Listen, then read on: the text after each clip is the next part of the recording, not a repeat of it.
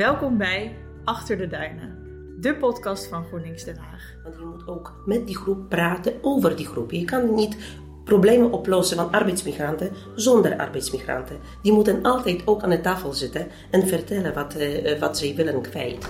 Dus, uh, dus ik hoop. Uh...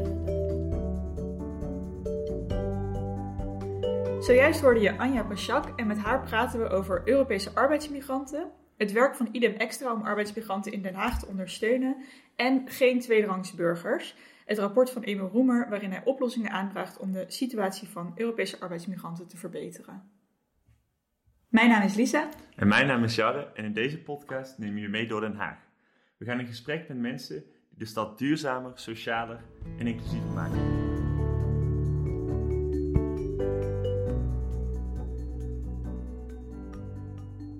Heel hartelijk welkom. Hier bij ons zit Anja Pachak. Uh, zij is uh, coördinator van vrijwilligers bij IDEM. Uh, heel leuk dat jij bij ons wil aansluiten vandaag. Uh, zou je iets kunnen vertellen over wat IDEM is, wat jullie doen, waarom jullie bestaan? Ehm, hallo, goedemorgen. Ehm, IDEM bestaat al vanaf 2007.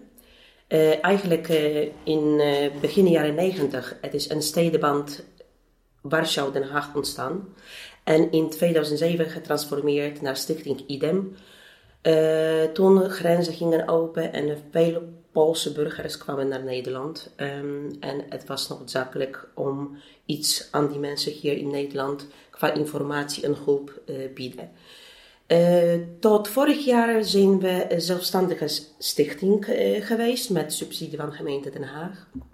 En vanaf januari zijn we onderdeel, onderdeel geworden van een uh, grote welzijnorganisatie uh, Extra. En uh, wat doet IDEM precies sinds haar oprichting in 2007? Wat zijn, wat zijn de belangrijkste dingen die IDEM doet voor burgers? Dat is ten eerste ondersteuning. Ondersteuning in eigen taal. Want we weten hoe belangrijk het is dat mensen de juiste informatie krijgen. Ten tweede, hulp bieden als zij ergens tegen vastlopen en problemen hebben met de werkgever of andere Nederlandse instantie die zij zelf niet kunnen oplossen. Uh, we proberen ook mensen te stimuleren om, als zij willen hier blijven, om Nederlands te gaan leren, om uh, inburgeren, om uh, uh, participatieontwikkeling uh, van die mensen um, ondersteunen. En uh, nou is er onlangs een rapport uitgebracht van Emil Roemer onder andere over arbeidsmigranten. En dat rapport heeft de titel Geen tweederangse burger. Nou, dat zegt volgens mij al, al heel erg veel. zou jij iets kunnen vertellen over wat grote problemen zijn waar, waar arbeidsmigranten nu tegenaan lopen? Um, ik denk dat het nog steeds een, een grootste probleem is uitbuiting in alle vormen van, uh, van deze brede begrip. Um, uitbuiting in de zin van zo afhankelijk zijn van de werkgever. We weten allemaal dat er zijn ongeveer 14.000 uh, uitzendbureaus. Iedereen kan gewoon morgen naar Kamer van Koophandel stappen en uitzendbureau openen zonder certificaat, zonder uh, benodigde uh, eigenlijk uh, vaardigheden wat nodig zijn om uh, zoiets te kunnen runnen. ten tweede zijn de mensen natuurlijk zo afhankelijk van de werkgever qua een werk, een woning, verzekering, transport. Alles is bij elkaar. Dus als een van die schakels wegvalt, dan gewoon stort alles voor die mensen. Um, het is ook um, qua verzekeringen, ze, uh, ze uh, lopen gevaar, want uh, verliezen ze het werk, dan meteen ook geen verzekering. Of ik heb ook verhalen gehoord dat mensen als ze op vakantie gaan, dan wordt door de werkgever, want ze hebben zo'n macht om verzekering activeren en even stoppen dan uh, in gehele gevallen is het gewoon dat als mensen op vakantie zijn, is die verzekering gestopt. En dat brengt natuurlijk ook gevaren voor mensen als die onderweg bijvoorbeeld naar Polen zijn. Dus er zijn echt een heleboel, heleboel uh, zaken en problemen. Ja.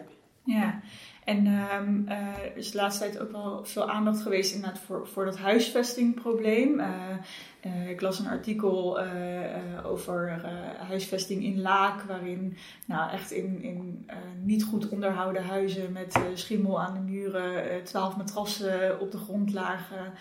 Um, is dat, wordt dat dan ook geregeld door de, door de werkgever vaak? Of, of zijn dat andere huisjesmelkers die dat doen? Dat, ik denk dat uh, we moeten uh, de, deze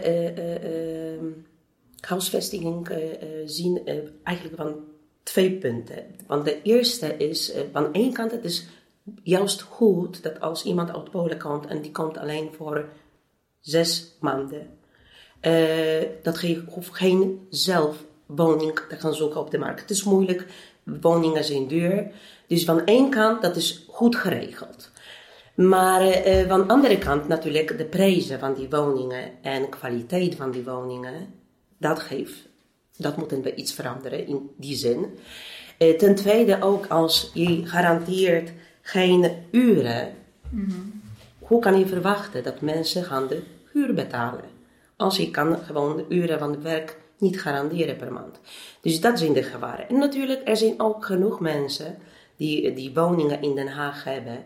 En uh, je hoort echt prijzen boven 1000 euro dat de arbeidsmigranten moeten betalen voor de woning die echt in slechte staat is. Ja. En uh, nu in hetzelfde artikel dat voor 15 jaar geleden, sinds 2004 toen Polen natuurlijk bij de uh, EU kwam, dat er eigenlijk een uh, ontzettend grote groei is van het aantal arbeidsmigranten in Den Haag. Het artikel zei dat, dat in 15 jaar nu 50.000 arbeidsmigranten zijn in Den Haag. Um, heeft dat, zijn die problemen die, die er in het begin speelden, in misschien voor 2010, dezelfde problemen die er nu spelen? Um, zijn bijvoorbeeld arbeidsmigranten langer gebleven? Uh, of zijn daar ontwikkelingen in die, uh, waardoor het probleem nu nog uh, lastiger is? Nou, of, of het lastiger is, dat, dat zou ik misschien niet zeggen. Ik zou denk, zeggen dat eigenlijk best veel dingen zijn iets beter geworden. Maar het geeft nog steeds veel wensen, want, want inderdaad die huisvesting en, en arbeidsomstandigheden. Want weet je wat, ik maak me nu echt een beetje zorgen voor, is dat met uitbraak van corona, we hebben zo vaak ook gesproken met media's en eigenlijk heb ik toen ook zo vaak gezegd dat we, we zijn bang dat het gaat echt uitbreken onder arbeidsmigranten. Want zij wonen met vele mensen in, op één uh, plaats. Zij werken ook dicht bij elkaar. Dus het, is, het brengt gevaren. En nu, natuurlijk, het is een best goed of in ieder geval opgepakt, die probleem een beetje. Nog niet op alle velden en niet op alle zaken. Maar wat ik me nu bang, wat ik mij zorgen voor maak, is dat die mensen werken zo hard. die zijn nu nog jong, 30, 20, 40. Maar straks worden zij 50. En als je werkt zo hard als die mensen bij de productie, zo lang, dan brengt het ook, denk ik, straks ook problemen met de gezondheid. En ik denk dat we moeten nu al denken, wat gaat dit in de toekomst brengen als die mensen van hier blijven en die kunnen niet meer werken door, door gewoon slechte gezondheid. Ja. Ja, inderdaad. Uh, nee, ik kan me dat heel goed voorstellen. Want het zijn natuurlijk inderdaad geen banen die je, die je tot boven je zestigste uh, vol kunt houden. Um, en het is natuurlijk ook niet, niet uh, gezegd dat, dat mensen uh, allemaal weer, weer terug naar Polen willen als ze niet meer uh, kunnen werken. Nee, kijk, ik denk dat er zijn altijd twee groepen mensen. Mensen die komen hier met het doel om hier te blijven. Misschien in het begin is het niet zo duidelijk, maar ze ontmoeten hier iemand, ze gaan trouwen, kinderen krijgen, huis kopen, want dan heb je ook een heleboel Poolse migranten en andere migranten van Oosten en Midden-Europa die echt hypotheek nemen, die vestigen zich hier hartstikke goed. Maar je hebt nog steeds een groep migranten die of weet precies dat ze willen hier een aantal maanden blijven, misschien een jaar, misschien twee, om geld sparen, geld verdienen en terug naar Polen te gaan, want daar hebben ze een huis, daar hebben ze een familie. Uh, en je hebt nog steeds mensen die denken: oké, ik ga zeker terug, maar wanneer? Want ik heb nog steeds niet genoeg verdiend, weet je, ik heb nog steeds niks. En toch, als je hier gaat werken, dan in principe, jouw leven is toch iets makkelijker dan als je terug gaat naar Polen met niks. Ja. En dan moet je weer opnieuw alles beginnen. Ja, en uh, jullie helpen uh, arbeidsmigranten uit Centraal- en Midden-Europa met bijvoorbeeld hulplijnen en, en wijkcentra's, inloopuren. Um, hoe uh, wordt daar veel gebruik van gemaakt en wat zijn dan de voornaamste problemen die, waar arbeidsmigranten tegenaan lopen? Op de jaarbasis, ik zou kunnen zeggen dat we hebben contact met ongeveer 4 à 5000 mensen. Uh, dat zijn vooral Polen, want dat is ook de grootste uh, arbeidsmigrantengroep uh, in Den Haag en in heel Nederland. Daarna hebben we een grote groep Bulgaren, Hongaren, Romeinen, Oekraïners en Russisch sprekende mensen van ex-republieken van de Sovjet-Unie. Um, en we hebben inderdaad bijna elke dag, nu in coronatijd, het is iets minder natuurlijk, maar we doen iets meer per telefoon en uh, per e-mail. Uh, maar we gaan in principe tot, uitbraak van corona bijna elke dag een spreekuur ergens in Den Haag op verschillende locaties. Uh, in Pools en Bulgaars. Uh, daarom gingen we ook samenwerken met Extra, want Extra heeft natuurlijk servicepunten. Dat zijn uh, ontzettend belangrijke informatiepunten voor alle inwoners van, uh, en burgers van Den Haag. Al kwetsbare mensen die, die, die misschien bepaalde problemen hebben. En daarom werken we samen met die servicepunten om met professionals, onze vrijwilligers, kunnen gewoon arbeidsmigranten in eigen taal ondersteunen. Want ik zeg het nogmaals, ik ben blij dat eigenlijk het is wel op dit moment erkend en gezien hoe belangrijk het is om informatie in eigen taal te geven. Vroeger was iets andere beleid van gemeente en overheid en we hadden allemaal brochuurtjes in het Pools, Bulgaars, Romeins. En het was ontzettend goed voor die mensen om juist informatie in eigen taal te krijgen. Afgelopen drie jaar, dat is toch iets anders geworden. En nu hoop ik dat, uh, dat de weer en overheid en gemeente gaat zien hoe belangrijk het is. Want uh, als die mensen konden uh, ondersteuning krijgen in eigen taal, door mensen die ervaring hebben, net als wij, vrijwilligers die hier al jaren wonen en zitten, dan is het beter voor die mensen en voor de toekomst hier.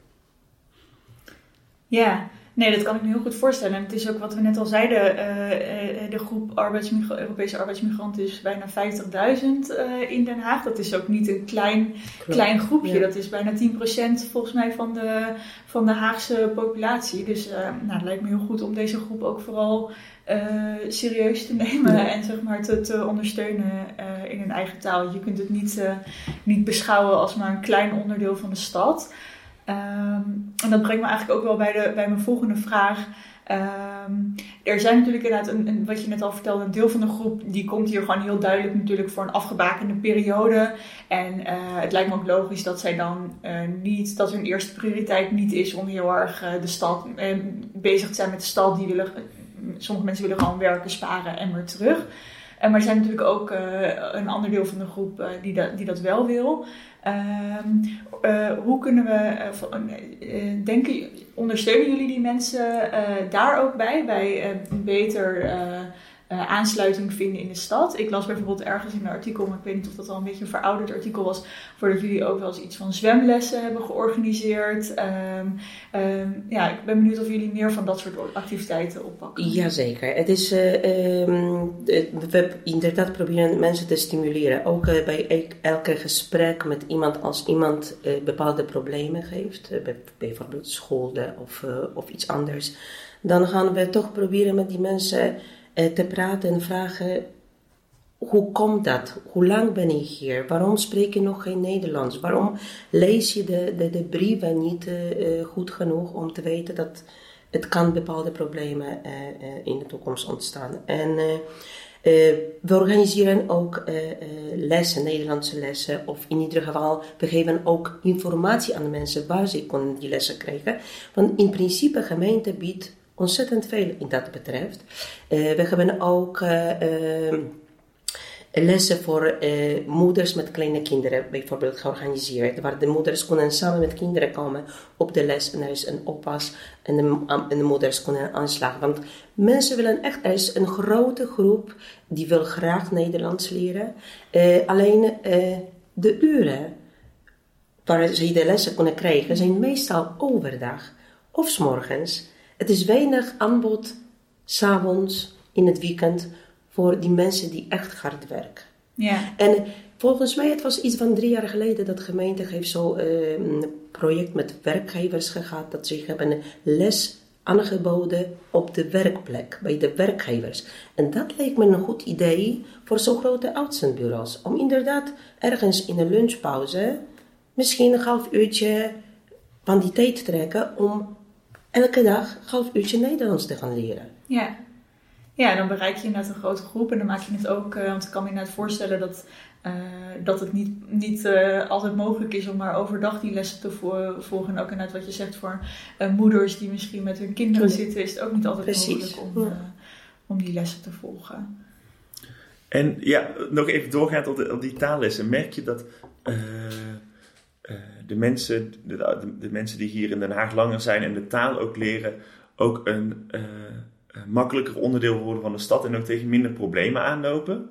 Um, want jullie uh, verzorgen natuurlijk alle informatie in eigen taal. Maar bijvoorbeeld, als de mensen eenmaal hier zijn gevestigd en hier een huis hebben, mogen ze bijvoorbeeld ook stemmen bij de gemeenteraadsverkiezingen. mogen ze, ehm, kunnen ze meedoen met natuurlijk alles wat de stad, deze stad te bieden heeft. En stimuleren, stimuleren jullie ook echt bij mensen om het meteen snel te beginnen met het leren van de taal? En zien jullie ook dat het een positief effect heeft op de, uh, de aansluiting tussen de migranten en die onderdeel worden van de stad en de rest van de stad? Ja, dat, eh, dat zeker. Die, die stimulering eh, is, is zeker. En um, het is een, echt een ontzettend grote groep. We zien altijd, het is net als uh, mensen bij de gemeente die komen, die, die hebben meestal of problemen of ze hebben iets te klagen. En uh, mensen die goed hebben, hoor je eigenlijk weinig.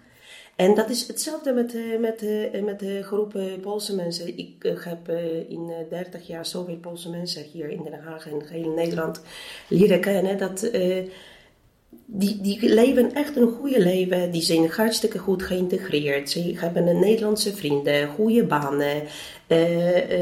kinderen die, die vloeiend twee talen spreken. Dus die groep is echt ontzettend groot. maar nog steeds, natuurlijk, er is de groep waar we proberen stimuleren als ze willen in ieder geval hier blijven. Want we, wat we doen ook vaak is tolken met, met hulp bieden als tolken met gesprekken met, moeilijke gesprekken met instanties, met scholen. En dan zeg ik, het is eigenlijk niet alleen tolken, het is ook een uitleg wat die mensen vaak nodig hebben. Want uh, het is een andere uh, schoolsysteem, het is een andere educatiesysteem. Opvoeding is ook iets anders hier dan in Polen. Dus bepaalde dingen moet je ook aan mensen uitleggen. Want we denken allemaal, het is vanzelfsprekend. We zitten allemaal in Europa, het is overal hetzelfde. Maar het is niet waar. Het is echt, er zijn toch best grote verschillen wat dat betreft. Ja, ja dus dat is inderdaad wel, wel goed om mee te nemen. Dat het niet alleen een taalbarrière, maar ook gewoon cultuurverschillen zijn. Die, Precies, uh... en ik heb ook zo vaak uh, informatie en presentatie gegeven aan politiebureaus, aan Centrum Jeugd en Gezin, aan uh, leerkrachten van verschillende scholen in Den Haag over opvoeding, over onze cultuur hoe wij in elkaar een beetje zitten. Dat ze kunnen de mensen die zij op straat of uh, uh, op uh, bezoek krijgen, dat ze kunnen de mensen iets beter begrijpen. En heb je, heb je een voorbeeld daarvan, wat een, een verschil is tussen Nederland en Oost-Europese ja, ik denk dat bijvoorbeeld in Polen, als je gaat praten over opvoeding, dan de meeste kinderen zijn rond een jaar of twee, nog eerder, jaar en misschien een paar maanden al zindelijk. En, uh, want het is natuurlijk duur om pampers te, te, kopen. Het is te veel werk om gewone luiers uh, te gebruiken. Dus die Poolse moeders zijn echt uh, goed gemotiveerd om het kind snel zindelijk te krijgen. Dus als de moeder komt op het uh, consultatiebureau en het kind is drie of vier en iemand vraagt, is jouw kind zindelijk? Dan kijkt die moeder een beetje verbaasd, wat heb je het over? Natuurlijk, al twee jaar. Weet je? Ja. Dus dat, dit soort dingen, dat zijn kleine dingetjes. Maar uh, ja, dat zijn toch grote verschillen. Ja, nou wel een leuk voorbeeld inderdaad. Ik kan me voorstellen dat die moeders daar dan staan van waar heb je het over? Ja, en uh, in de gemeente doet, uh, je zegt de gemeente doet al wel veel, de situatie is verbeterd de afgelopen jaren. Wat zijn nou echt dingen die, uh, die de komende jaren, ook met corona in het achterhoofd, nu echt het allerbelangrijkste zijn om de, de arbeidsmigranten een goede plek te geven in de Nederlandse samenleving en in de Haagse samenleving? Ik denk dat het is gelukkig nu best veel aandacht voor, voor al die problemen. Het heeft natuurlijk te maken ook met corona, misschien ook met verkiezingen. Maar het is hartstikke goed dat er wordt gesproken dat eigenlijk die groep, net als organisatie van ons, maar zijn ook andere organisaties. Of ik heb begrepen dat meneer Emile Roemerger of met de ambassades gesproken. Dat is natuurlijk hartstikke goed, want je moet ook met die groep praten over die groep. Je kan niet problemen oplossen van arbeidsmigranten zonder arbeidsmigranten. Die moeten altijd ook aan de tafel zitten en vertellen wat, uh, wat zij willen kwijt. Dus, dus ik hoop dat het inderdaad. Het wordt iets beter gekeken naar die werkgevers. Dat die worden echt onder de loep genomen. wat ze precies doen over die huisvesting. Want als je hoort al die klachten uh, mensen konden nergens terecht met klachten van ik heb mijn vakantiegeld niet teruggekregen. Je krijgt geen advocaat, je bent geen lid van, van de vakbonden. Arbeidsinspectie voor zo kleine zaken, dat gaan ze ook niet oppakken. Dus dat is iets wat ontbreekt. Zo klein, en, daarom wij proberen als idem, als mensen zo dit soort problemen hebben, dan zeg ik altijd, ik kan altijd nog vragen aan de werkgever. Ik kan altijd een brief aan hem schrijven en hem verzoeken om dat uit te betalen. Het hoeft niet meteen naar advocaat, want dat kost gewoon ontzettend veel geld voor die mensen. En soms is het gewoon eh, het geld niet waard om, eh, om dat eh, te beginnen. En je had het al net, we hebben het al een paar keer gehad over dat, dat rapport van Emil Roemer.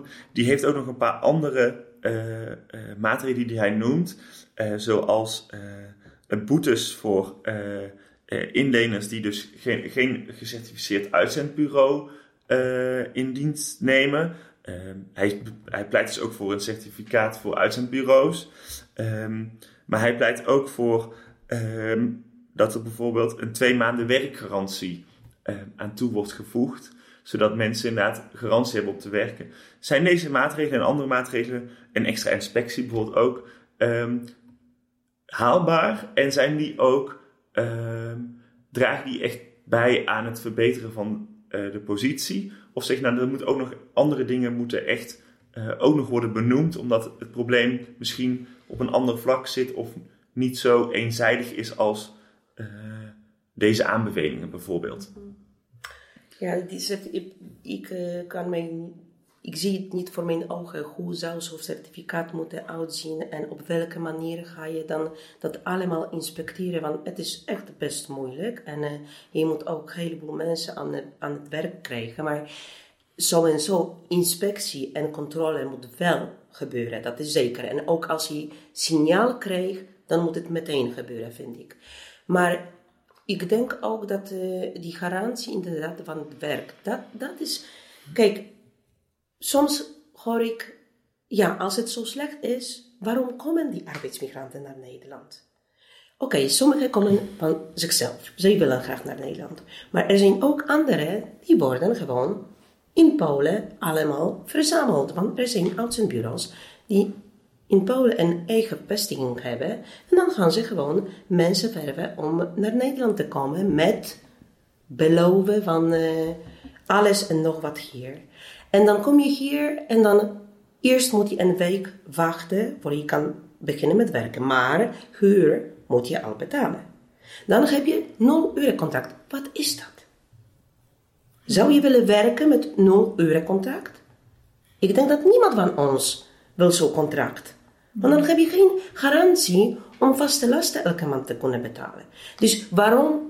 Ik, neem aan dat het ook voor Nederlanders is, maar het is ook niet goed voor die Nederlanders om nul contract te hebben. Dus ik denk dat is iets wat moet eh, gewerkt worden. Kan je niet garanderen, oké, dan moet het tenminste een minimum aantal uren die voldoende zijn om die vaste lasten van zo'n arbeidsmigrant te betalen. Dat gaat niet met schulden na, na drie maanden terug naar Polen. Nee. nee, misschien is het goed inderdaad om even te benadrukken dat we als uh, dat Nederland deze mensen ook gewoon heel hard nodig heeft. Het is niet een gunst die we verlenen, die Nederland verleent aan uh, mensen in Polen uh, of, of Bulgarije of, of waar dan ook. Het is, er, er is gewoon heel hard, er zijn heel hard handen nodig om dit werk te doen. En, drie, en binnen Nederland is, is, is, is, is daar niemand voor te vinden.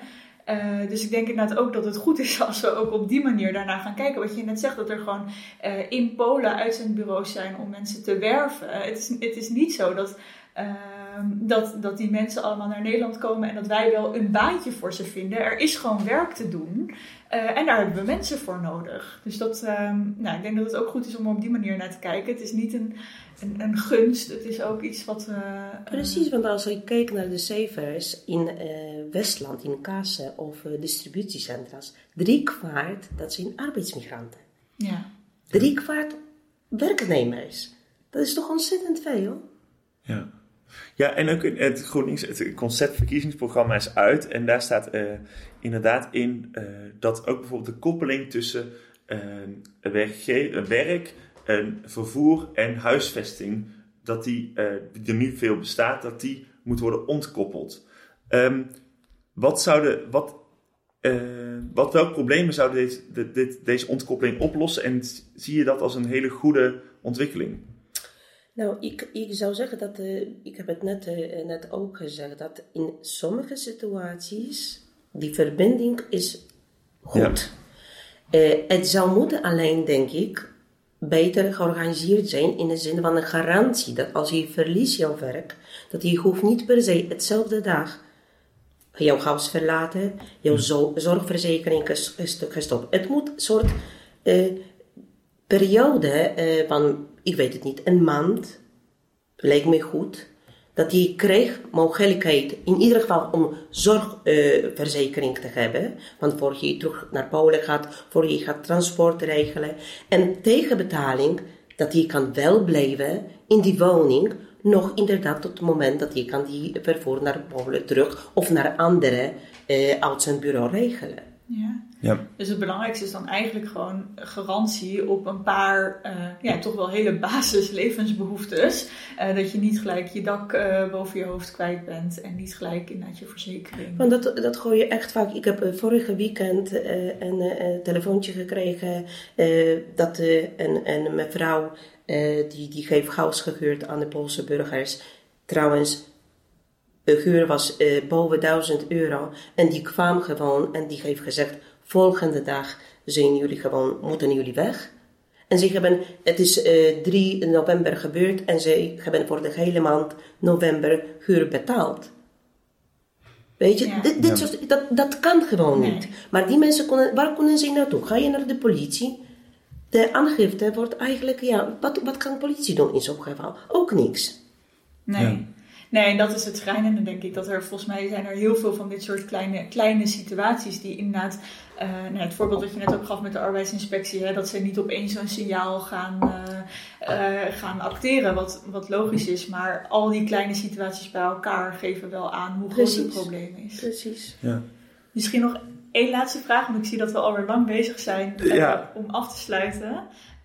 ik ben wel benieuwd naar, als ik dat mag vragen, jouw persoonlijke verhaal. hoe jij, hoe jij, waarom jij naar Nederland bent gekomen en waarom jij ook bij, bij IDEM aan de slag bent gegaan. En wat jouw motivatie is om dat nog steeds te um, doen. Ja, ik ben 30 jaar, jaar geleden naar Nederland gekomen en het komt door mijn man. Ik werd verliefd op een Nederlandse man. Ik was uh, toen nog in, in uh, Amerika, in, in, in Boston. Maar ehm, zo hebben we besloten om samen te gaan in Nederland te leven. En eigenlijk vanaf het begin was ik ontzettend verbonden met de Poolse gemeenschap. Ehm, in de jaren 90, begin jaren 90, waren echt weinig Polen hier. Het duurde ongeveer een jaar voor ik de eerste Paul ontmoette, uh, ontmoette hier. En ik was met mijn vrijwilligerswerk bezig bij de Poolse parochie. En ik heb ook twintig jaar op de Poolse ambassade gewerkt, consulaire hulp aangeboden. Ik heb geschiedenisles op Poolse school gegeven aan de Poolse kinderen. En sinds 2017 ben ik dus werkzaam bij voormalige stichting IDEM en nu onderdeel van een grote organisatie Extra. Dus ik ben ontzettend blij van uh, dit soort werk en uh, dankbaarheid van, van mensen. Ja, dat is de, de mooiste wat ik kan hebben in jouw professionele, vind ik, werk. Ja. Ja. ja, dan wijst wel altijd nog ook een soort van aller, aller, allerlaatste vraag. en die is eigenlijk ehm, uh, wat zou je uh, willen, of wat, wat zijn je, je hoop en je dromen, wat over vijf jaar uh, is veranderd op, over dit, op dit onderwerp? Wat zou, er, wat zou er over vijf jaar gerealiseerd moeten zijn om arbeidsmigranten een betere plek te geven in de Haagse en de Nederlandse samenleving? Als je mag, vrij mag dromen. Uh, ja, het is, weet je wat het probleem is? Dat ik ben natuurlijk al bijna 30 jaar bezig met deze onderwerp, oké, 30 jaar geleden was het helemaal anders dan 15 jaar geleden, 10 jaar geleden, 5 jaar geleden. Maar die onderwerp komt elke keer terug.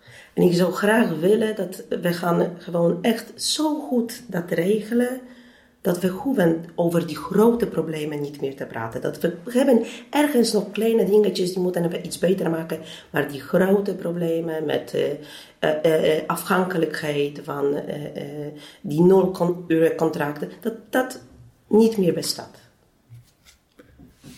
Ik vind dat echt een super mooie afsluiter. En ik denk dat we dat, we dat ook heel graag met jou mee willen dromen. Ontzettend bedankt voor al deze informatie, voor je interessante verhaal. Ehm, en ik hoop dat ook de luisteraars uh, iets op hebben gestoken over deze grote groep uh, Haagse mensen, uh, waar we toch soms een beetje te weinig over horen. Ja, ja heel erg bedankt voor het luisteren. je kan je abonneren op deze podcast op alle mogelijke muziekkanalen.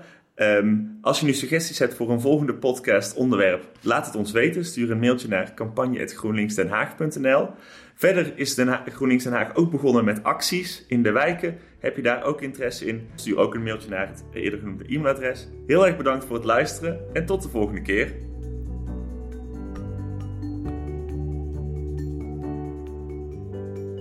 Achter de Duinen wordt geproduceerd door GroenLinks Den Haag. En de muziek van deze aflevering is Up and Over van de Blue Dot Sessions.